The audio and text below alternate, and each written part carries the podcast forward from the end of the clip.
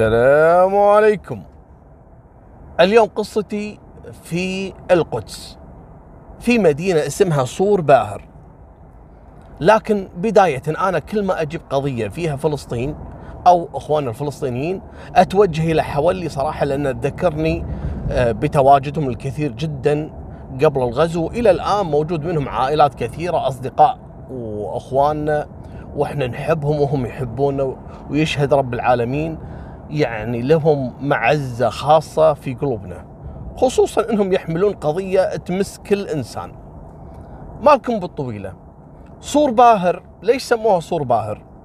اسمها الأساسي اللي كانوا يسمونها آه، أيام عمر بن الخطاب رضي الله عنه السر الباهر. وعندهم أرض يسمونها أرض العمرين اللي التقى فيها عمر بن الخطاب مع عمرو بن عاص. وكان يستعد جيش المسلمين لدخول هالمدينة اللي هي مدينة المقدس. فكان بينهم كلمة سر علشان يبدون العملية عملية الاقتحام. فقالوا شو اسم السر يعني اللي يتفقون عليه الكلمة؟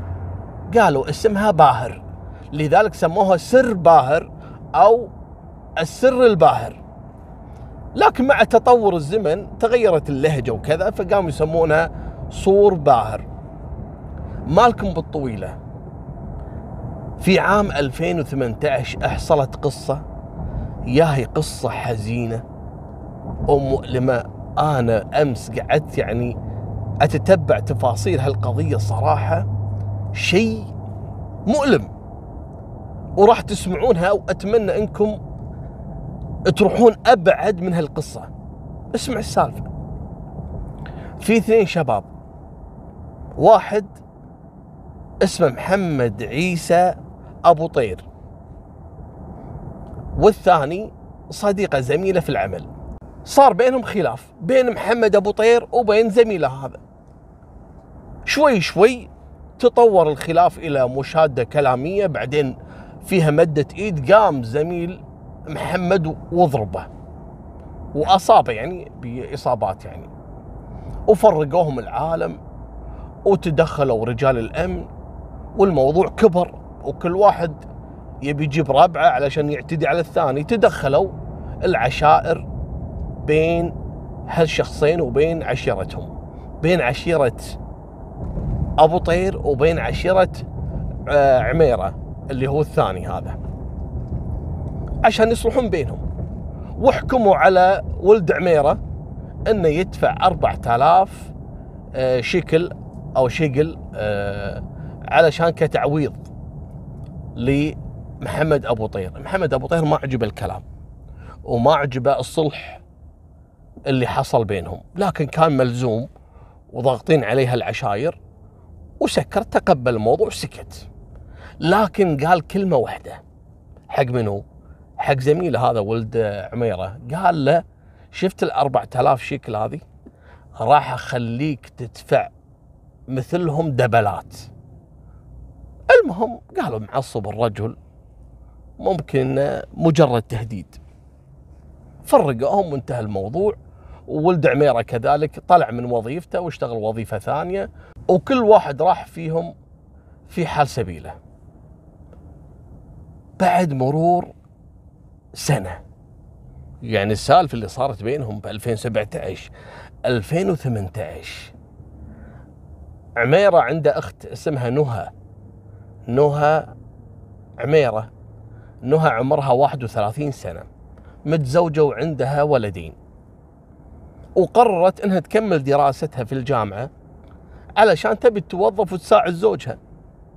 لأن الوضع المادي يعني بسيط جدا ويحتاج إلى مساعدة من زوجته قالت لا أنا ما عندي مشكلة بالعكس والبنت جدا محترمة ومؤدبة وتربيتها كانت تربية راقية جدا، البنت حافظة أجزاء من القرآن ما طوفها صلاة، البنت يعني ملتزمة. وفعلا دخلت الجامعة أول سنة كانت من المتفوقات. ثاني سنة تعرفت على واحدة من صديقاتها في الجامعة. وصار بينها وبينها الصديقه هذه وروحه ورده وعلاقة. يعني صارت مثل أختها يعني. شوي شوي صار في زيارات بينهم. يعني نهى تعزم صديقتها على البيت وصديقتها كذلك تعزم نهى على بيتها. ويوم من الأيام وتحصل الكارثة. نهى كانت عند صديقتها وبعد ما قعدوا يعني كلوا وشربوا وسوالف وكذا حست نهى بدوخة. شوي فقدت السيطرة على نفسها. آه، حاسة إنها بدت يعني تفقد الإحساس باللي حواليها. حاشا إغماء بسيط لكن لما صحت يعني جزء من الوقت هذا مر بدون شعور. لما صحت بعد عشر ساعات من هالزيارة اللي عند صديقتها ولا هي في بيتها؟ و... وحاسة أن كأنها كانت في حلم. شو اللي صار ما هي عارفة؟ أنا شلون رجعت على البيت بهالسرعة؟ الساعة كم الحين؟ ولا مر على الوقت أكثر من عشر ساعات. أنا وين كنت في هالعشر ساعات هذه؟ وأنا كأني كنت عند صديقتي. شلون وصلت البيت؟ ليش ملابسي بهالطريقة؟ أولادي وين؟ ولا أولادها؟ كل واحد اللي يبكي اللي ما أدري شنو يعني لا سوت لهم أكل لا اهتمت فيهم لا. في شيء حصل لكن ما هي فاهمة شنو. أنا راح أقول لكم شنو. هذه الكارثة. اللي حصلت. المهم عدها اليوم وهي كانت في حالة استغراب رهيب علامات استفهام كثيرة عندها. لكن سكتت. اتصلت على صديقتها. مرحبا يعطيك العافية وشلونك؟ وكذا. أنا والله ما أدري ما أدري أنا كنت عندك اليوم صح؟ قالت إيه صح. أنا ما أدري فجأة حسيت نفسي إني موجودة في البيت، أنا شلون طلعت من عندك ومتى طلعت وش اللي صار؟ قالت لا عادي يعني قعدتي عندي يعني ساعة ومشيتي بعدين رحتي بيتك. يلا يلا أنا آسفة بس أنا ما أدري شو صاير لي اليوم يعني. المهم اليوم الأول اليوم الثاني اليوم الثالث ويوصلها مسج واتساب يعني الصدمة. ولا صورتها وهي عارية. وين؟ في بيت صديقتها. البنت ما صدقت. قالت لا في شيء غلط بالموضوع. أنا أصلا متى تعريت عند صديقتي؟ وشلون؟ وما عندها البنت ابدا ما عندها أي سلوكيات سيئة. وتتصل على صاحبتها. طلعت صاحبتها هي اللي اللي مرسله المسج هذا. شنو هذا؟ الله يخليك وش قاعد تسوين قعدت تضحك صديقتها. قالت لها لا أنت مفكرة بس هالصورة؟ الله يخليك وكذا و... والله يستر عرضك فيك؟ وهالصورة من وين؟ شلون؟ أنت مركبتها ولا مسوية يعني Photoshop ولا قعدت تضحك. قالت لها لحظة استقبل استقبل هالفيديو هذا. وترسل لها مقطع ثاني. ولا فيديو نهى وهي عارية وتسولف وتضحك و انجنت البنت.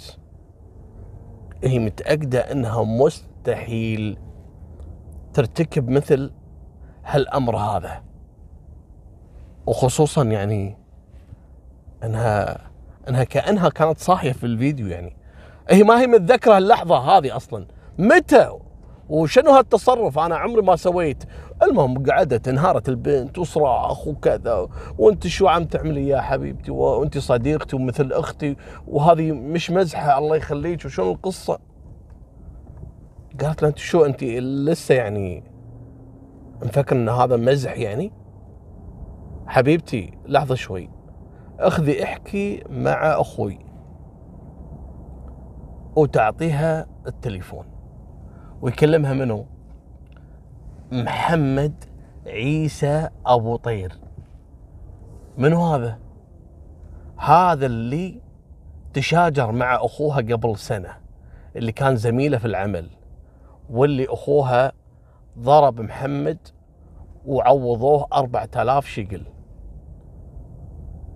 يعني هذا كان تخطيط من محمد من سنة خلى أخته تتعرف على نهى وتستدرجها إلى أن توصل البيت. كلمها بالتليفون. قال لها شوفي ترى الفيديوهات والصور اللي موجودة مش موضوع إنك بس يعني عارية. لا أنا اغتصبتك وانت كنتي راضية و البنت ما هي مصدقة ما هي مصدقة اللي قاعد يقوله وترى في فيديوهات طويلة على فكرة في تصوير أكثر من عشر مقاطع ولا مدة يعني أكثر من ست ساعات. البنت بكي وانهارت والله يخليك وعطني صديقتي الله يخليك. وتكلم صديقتها.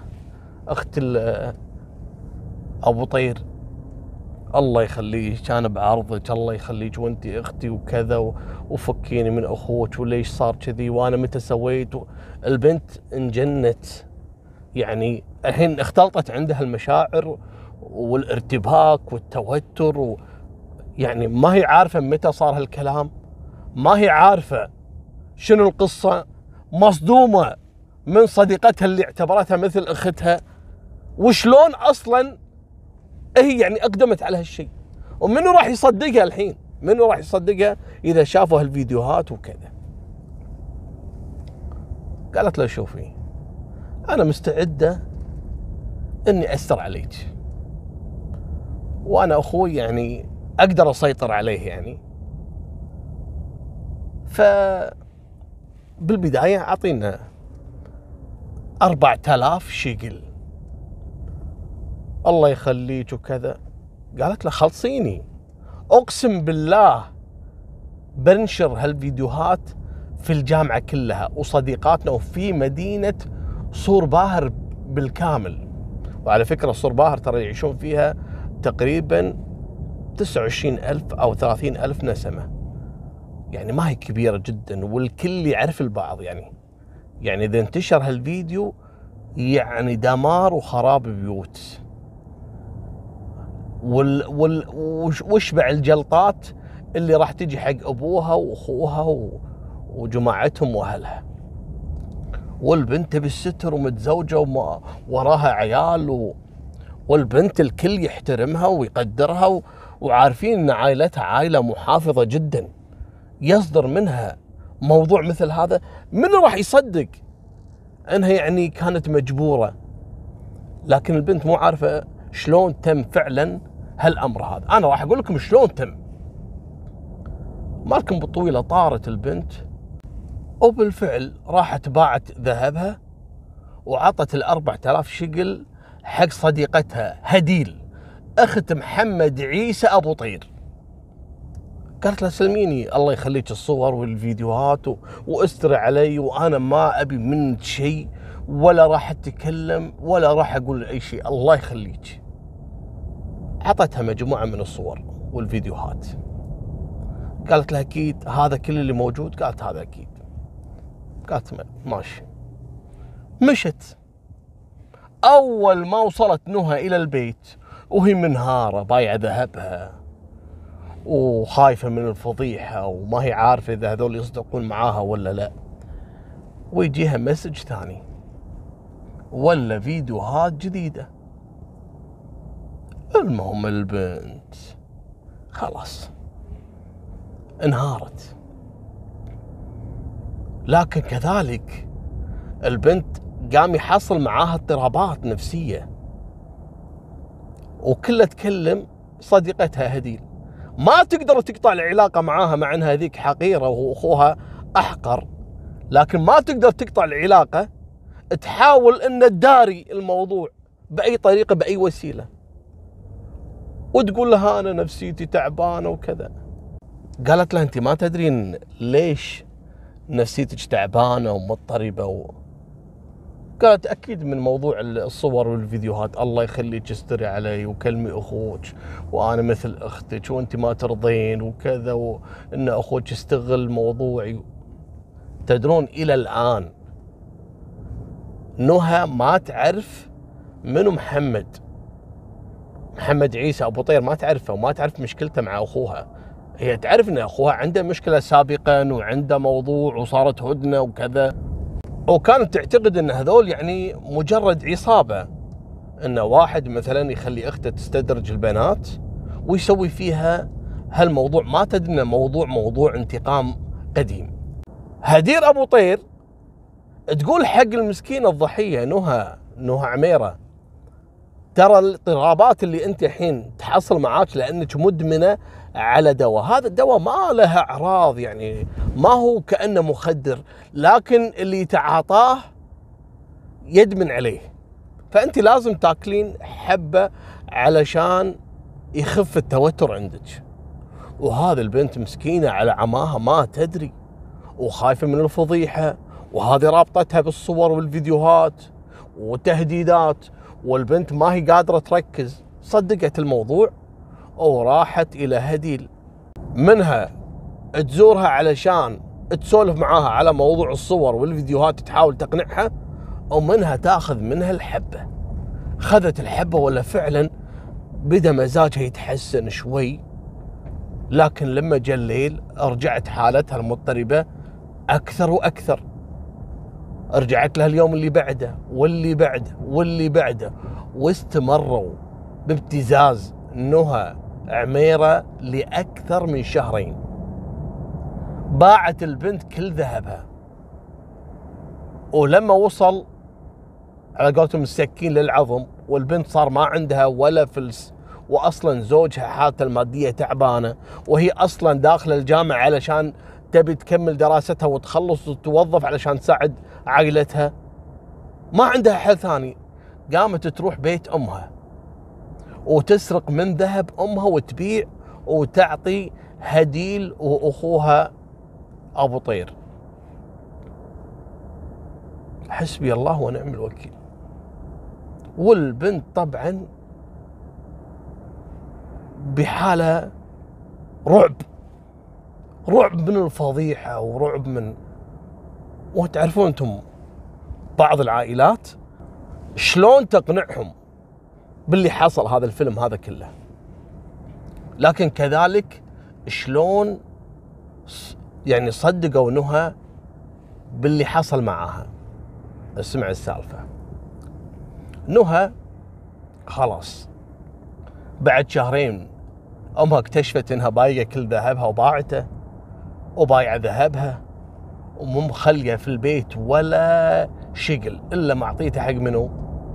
حق هديل. وإن شاء الله إني نطقت شقل صح أو شكل. بدأت تنكشف قصة نهى وسرقاتها وبيعها للذهب والبنت مرتبكة تركت دراستها مهمل عيالها كرهها زوجها.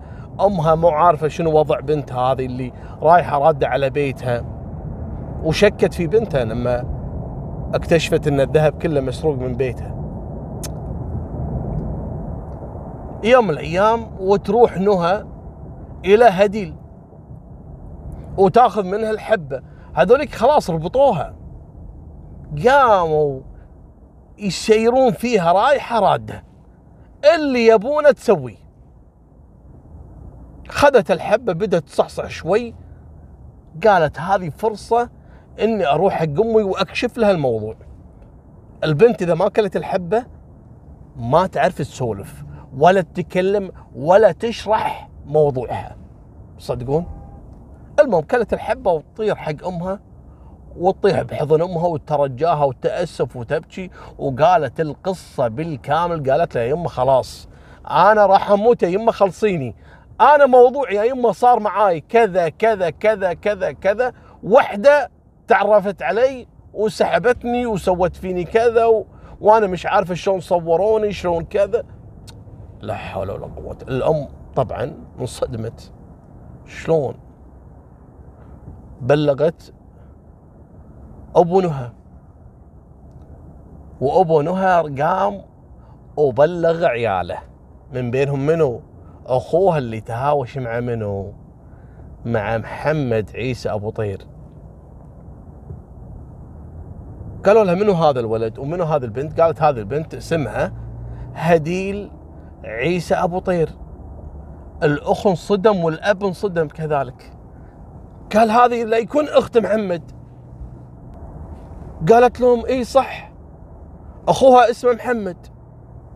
طبعا نهى ما تدري منو محمد يعني مشكلته مع أخوها سابقا.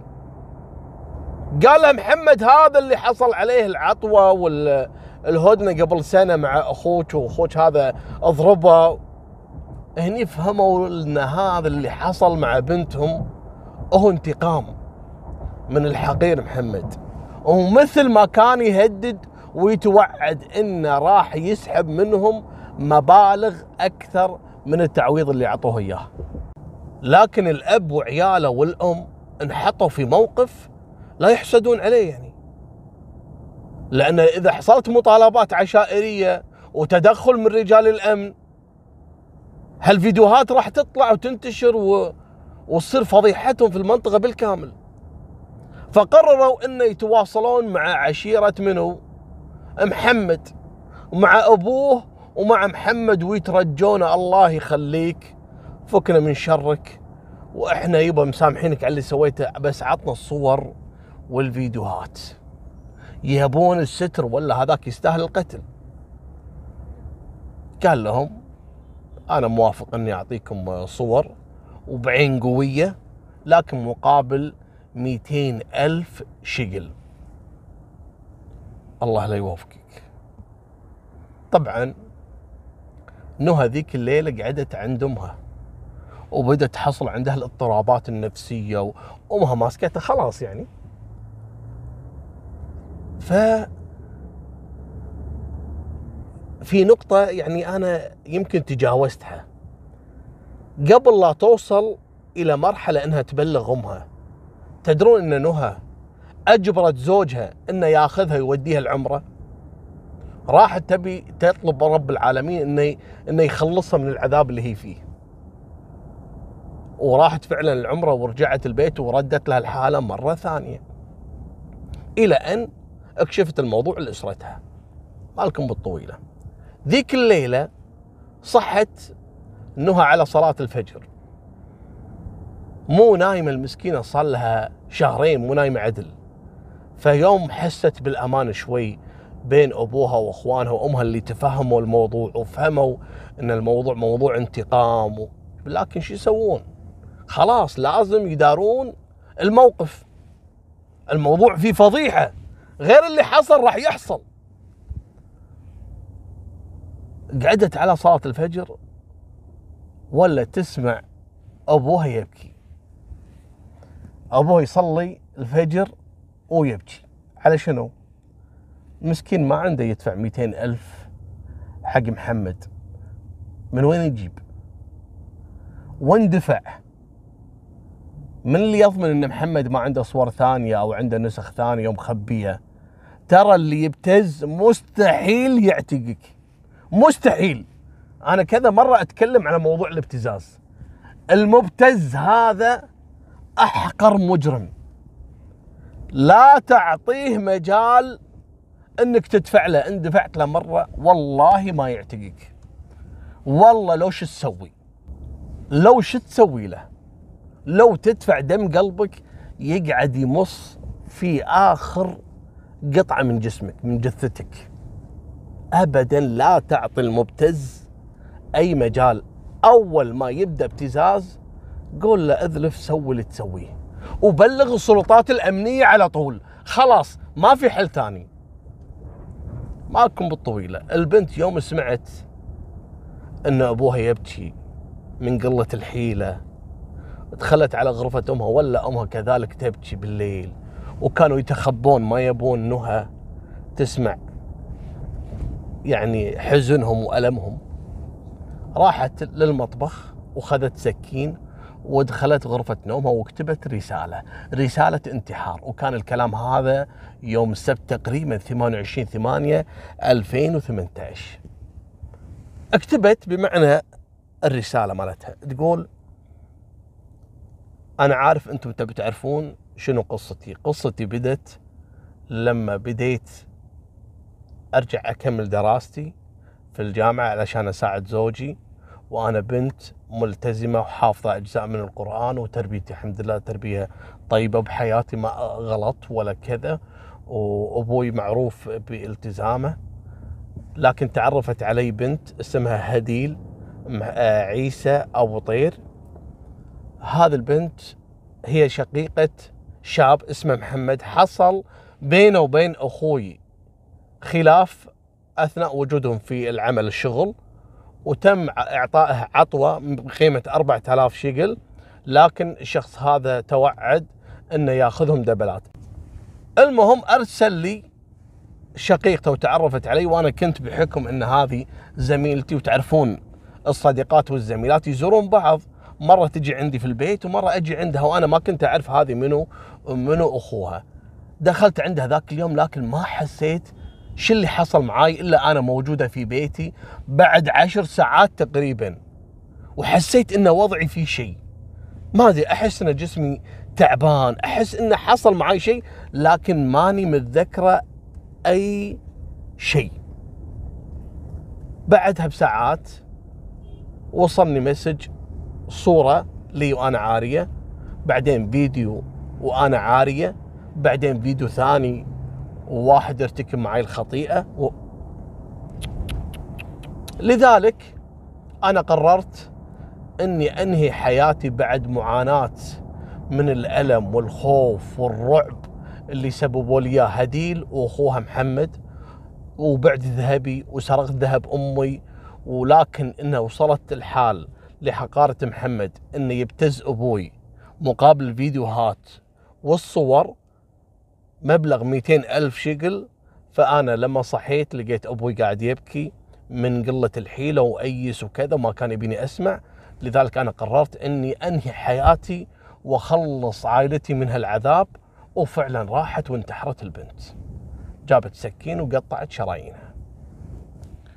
لما عثروا على جثتها وبدأ الأب يبكي والأم وأخوانها وصل الموضوع للسلطات الأمنية وعرفوا قصة الرسالة. الشخص اللي قام يبتزها؟ القضية انفجرت في صور باهر.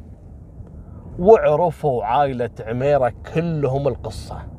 صارت يعني مذبحة إلا شعره قاموا جماعة من عميرة وراحوا حرقوا بيوت ناس من جماعة أبو طير وخصوصا بيت محمد. احرقوا أنا حاط لكم فيديو على الإنستغرام لما راحوا له بيته ورموا عليه النيران وحرقوه. طبعا محمد هرب بعد ما عرف قصة إن نهى انتحرت وكاتبة رسالة وكشفت كل اللي صار. واصلا أهلها يدرون بس هذه كانت رسالة تأكيدية. الناس وقتها ما هي مستوعبة الموضوع. يعني شلون مصورها وهي ما تدري؟ شلون؟ انت فهمت شلون اقصد؟ في ناس فيهم حتى لو انسان ميت ترى ما عندهم مشكلة يضربون فيه وهو ميت. شلون ما تدري وهو مصورها وهي كانت صاحية؟ يشوفون فيديوهات اللي انتشرت عندهم. شلون؟ أنا بقول لكم شلون. بعد ما ألقوا القبض على محمد. محمد أبو طير الحقير هذا. وألقوا القبض على أخته هديل. وألقوا القبض كذلك على مجموعة من أهلهم وأقاربهم اللي ساعدوا محمد في الهرب. احجزوهم. وبدت عاد تتكشف السالفة بالكامل. اسألوا هديل شلون صورت البنت؟ طبعا تحفظوا على الفيديوهات والصور وكذا. قالت أنا استدرجتها البيت وشربتها عصير. العصير شنو كان فيه؟ كان فيه دواء. تدرون الدواء هذا شو اسمه؟ اسمه GHB. هذا قصته قصة. ولا تقولوا لي يا أبو طلال أنت الحين قاعد تعلم الناس اللي ما يعرفون. أنت ما تعرف. لكن تدري في مراهقين يعرفون؟ تدري في ناس المجرمين يعرفون؟ تدري جهلك ممكن انت يوم من الأيام انت اللي تسولف لي تقول لي لا تقول انت انت انت لو ما أقول لك السالفة هذه تروح يوم من الأيام واحد يشربك هالدواء هذا. انتبه! لا تسوي نفسك يعني حريص انه ما حد يعرف. لا لا لا لا لازم تعرف وتحذر. اعرف الشر لا للشر لكن لتوقيه. ومن لا يعرف الخير من الشر يقع فيه. المهم هالدواء هذا اللي اسمه GHB ينباع في الصيدليات وينباع في بعض العيادات النفسية. في بعض الدول ينباع كانه كأنك شاري بسكويته وشاري عصير. ما عندهم مشكلة يبيعوا لك. وفي بعض الدول لا ما تصرفه إلا بورقة رشدته من الطبيب المختص. وفي بعض الدول إلا إذن من القطاع الجنائي إن أنت فعلا مريض وجايب لهم تقرير من المستشفى أو من الطبيب النفسي ويعطونك إذن تروح تشتري هالدواء. لخطورة هالدواء هذا. تدرون هذا الدواء شو يسوي؟ اسمعوا السالفة.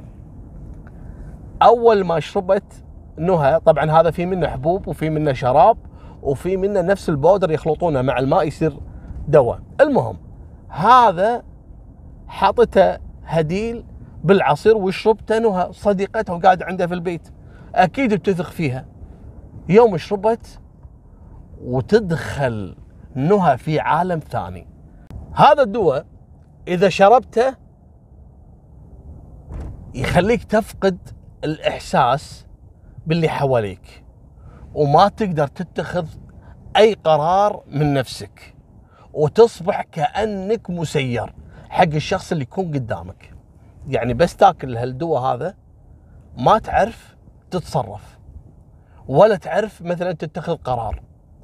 صاحي وقاعد لكن كأنك بحلم. يعني الشخص إذا كان قاعد جنبك يقول لك امشي خلينا خلينا نتحرك نعبر الشارع ندخل هني نسوي كذا ما تقول لا. وما تقدر ولا بإيدك أصلا إنك تقول له لا. بالإضافة إنه يزيد من القدرة الجنسية. يعني لما ولا ما له داعي اشرحها لكم. يعني شوفوا هالعقار شنو حقير. ترى هالعقار يستخدم عند كثير من العصابات اللي يمتهنون مهنة الدعارة. لما يخطفون الفتيات كانوا يشربونهم هالدواء هذا ال GHB علشان يسيطرون على البنت ويعتدون عليها. مثل ما حصل مع فتاة الفرمونت اللي صار في فندق فرمونت اللي في مصر واللي اعتدوا على البنت تقريبا 12 أو 13 شخص ومن بينهم أبناء شخصيات معروفة اللي خطفوا البنت ودوها الفندق. البنت مو عارفة إيش اللي حصل معاها. لما طلعت قالت هذا حصل معي كذا كذا ومصورينها و... ولا معطينها العقار اللي هو GHB العقار موجود لكن الناس تجهله. مالكم بالطويلة. لما اخذت البنت نهى هدوة هذا أفقدت الإحساس. قامت هديل واتصلت على أخوها دخل عندها البيت واعتدى على نهى وهي ساكتة ومو عارفة يعني مو عارفة أي شيء قاعد يحصل معاها. يقول لها قومي قاعدة يروح من هناك تعالي مني. آه، اشلحي ملابسك ولا تقدر تقول له شيء. ولا تتذكر بعد عشر ساعات لأن مفعوله يقعد من عشر ساعات إلى 12 ساعة. يلا إن الإنسان يرد له عقله. لكن تعاطي هالمادة هذه يسبب كذلك إدمان. لأنك الحالة النفسية اللي تدخل فيها هذه آه، إذا ما رجعت تدخلها مرة ثانية يسبب لك مثل القلق والتوتر. لذلك يتم صرفه لمرضى النفسيين علشان يبعدهم عن التوتر الشديد اللي حصل معاهم يعني. وترى ما ياكلونه إلا يكون تحت إشراف يعني دكتور لأنه فعلا يسبب إدمان ويستخدمونه هالعصابات. مالكم بالطويلة. زين إيش فهموا محمد أبو طير وهديل بهالعقار؟ علشان يسيطرون عليها طلع هذا محمد أصلا عضو في عصابة خطف فتيات واغتصاب بنات و... ويستخدمون هالدواء هذا من زمان. لذلك أول ما حصلت مشكلة معاه مع صديقه وقال أنا علمك وراح أخليك تدفع. على طول هو في باله إني أنا راح أخطف أختك وراح أسوي فيها كذا وكذا كذا. عن طريق الحيلة قام أرسل أخته هديل واستدرج نهى إلى بيته. مالكم بالطويلة بعد إلقاء القبض على محمد وأخته هديل ومجموعة من أفراد أسرتهم لأنهم ساعدوهم في الهرب والتخبي أدخلت العشائر مرة ثانية في محاولة للصلح والهدنة ويهدون الأمور لأن بدأ الموضوع كان يروح فيه ضحايا خصوصا بعد ما قاموا مجموعة من آه، عائلة العميرة إنه يلقون النار على بيت أبو طير ويعتدون على أي شخص من جماعته اللي ما لهم ذنب أصلا باللي سواه محمد. وبعد عدة محاولات قدروا إنه يأخذون فعلا الهدنة من عائلة عميرة لمدة ثلاثة أيام وتم نفي مجموعة من عائلة أبو طير من المدينة.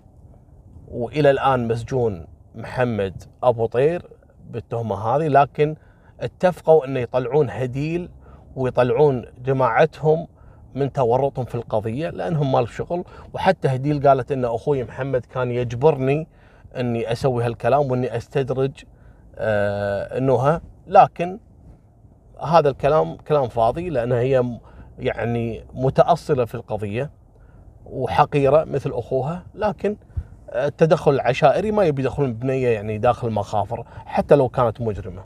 مالكم بالطويلة. البنت الله يرحمها توفت.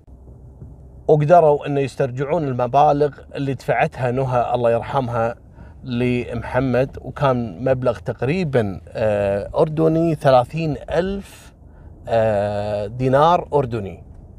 القضية في فلسطين لكن الموضوع التعامل بالمادة يكون يا شقل يكون يكون آه، دينار أردني.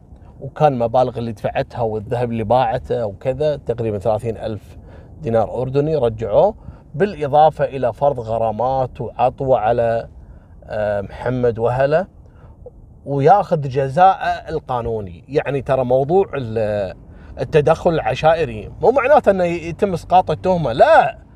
هذا فقط علشان ما يذبحون أحد من أهله أو يقومون العائلة المجني عليه إنه ياخذون ثارهم من شخص ثاني.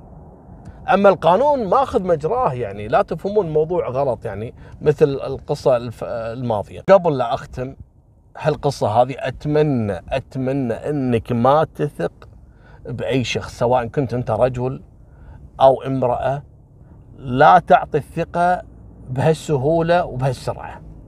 ترى ما حد يقدر ينصب عليك ويغدر فيك إلا أصلا اللي تعطيه ثقة. لأنك إذا ما تثق فيه مستحيل ينصب عليك. مستحيل إنه يقدر عليك.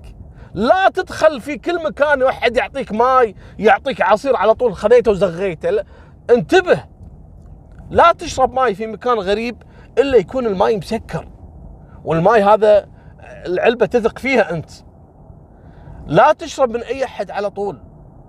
تدخل عنده في البيت وعلى طول تشرب. لا. أنا ما أقول لك افقد الثقة بالناس لكن البلاوي اللي قاعد تحصل أكبر من إنك تعطي الثقة. يعني الحين هذه مستدرجة صديقتها شوف سوت فيها؟ تدرون في قصة قبل أربع سنوات حصلت في مدينة التيارات في آه، موريتانيا. واحدة وصديقتها ذول بينهم صداقة من عمر. من أيام ما كانوا صغار في المدرسة لين كبروا وصاروا في الجامعة. كانوا يتمشون في أحد الأسواق. ويقوم ولد شاب مزيون ويتعرف على واحدة فيهم.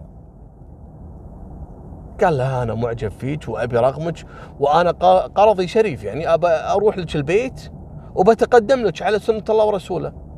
قالت له أكيد؟ قال لها أكيدين. قالت له تفضل. فعلا كلمها وراح لها البيت.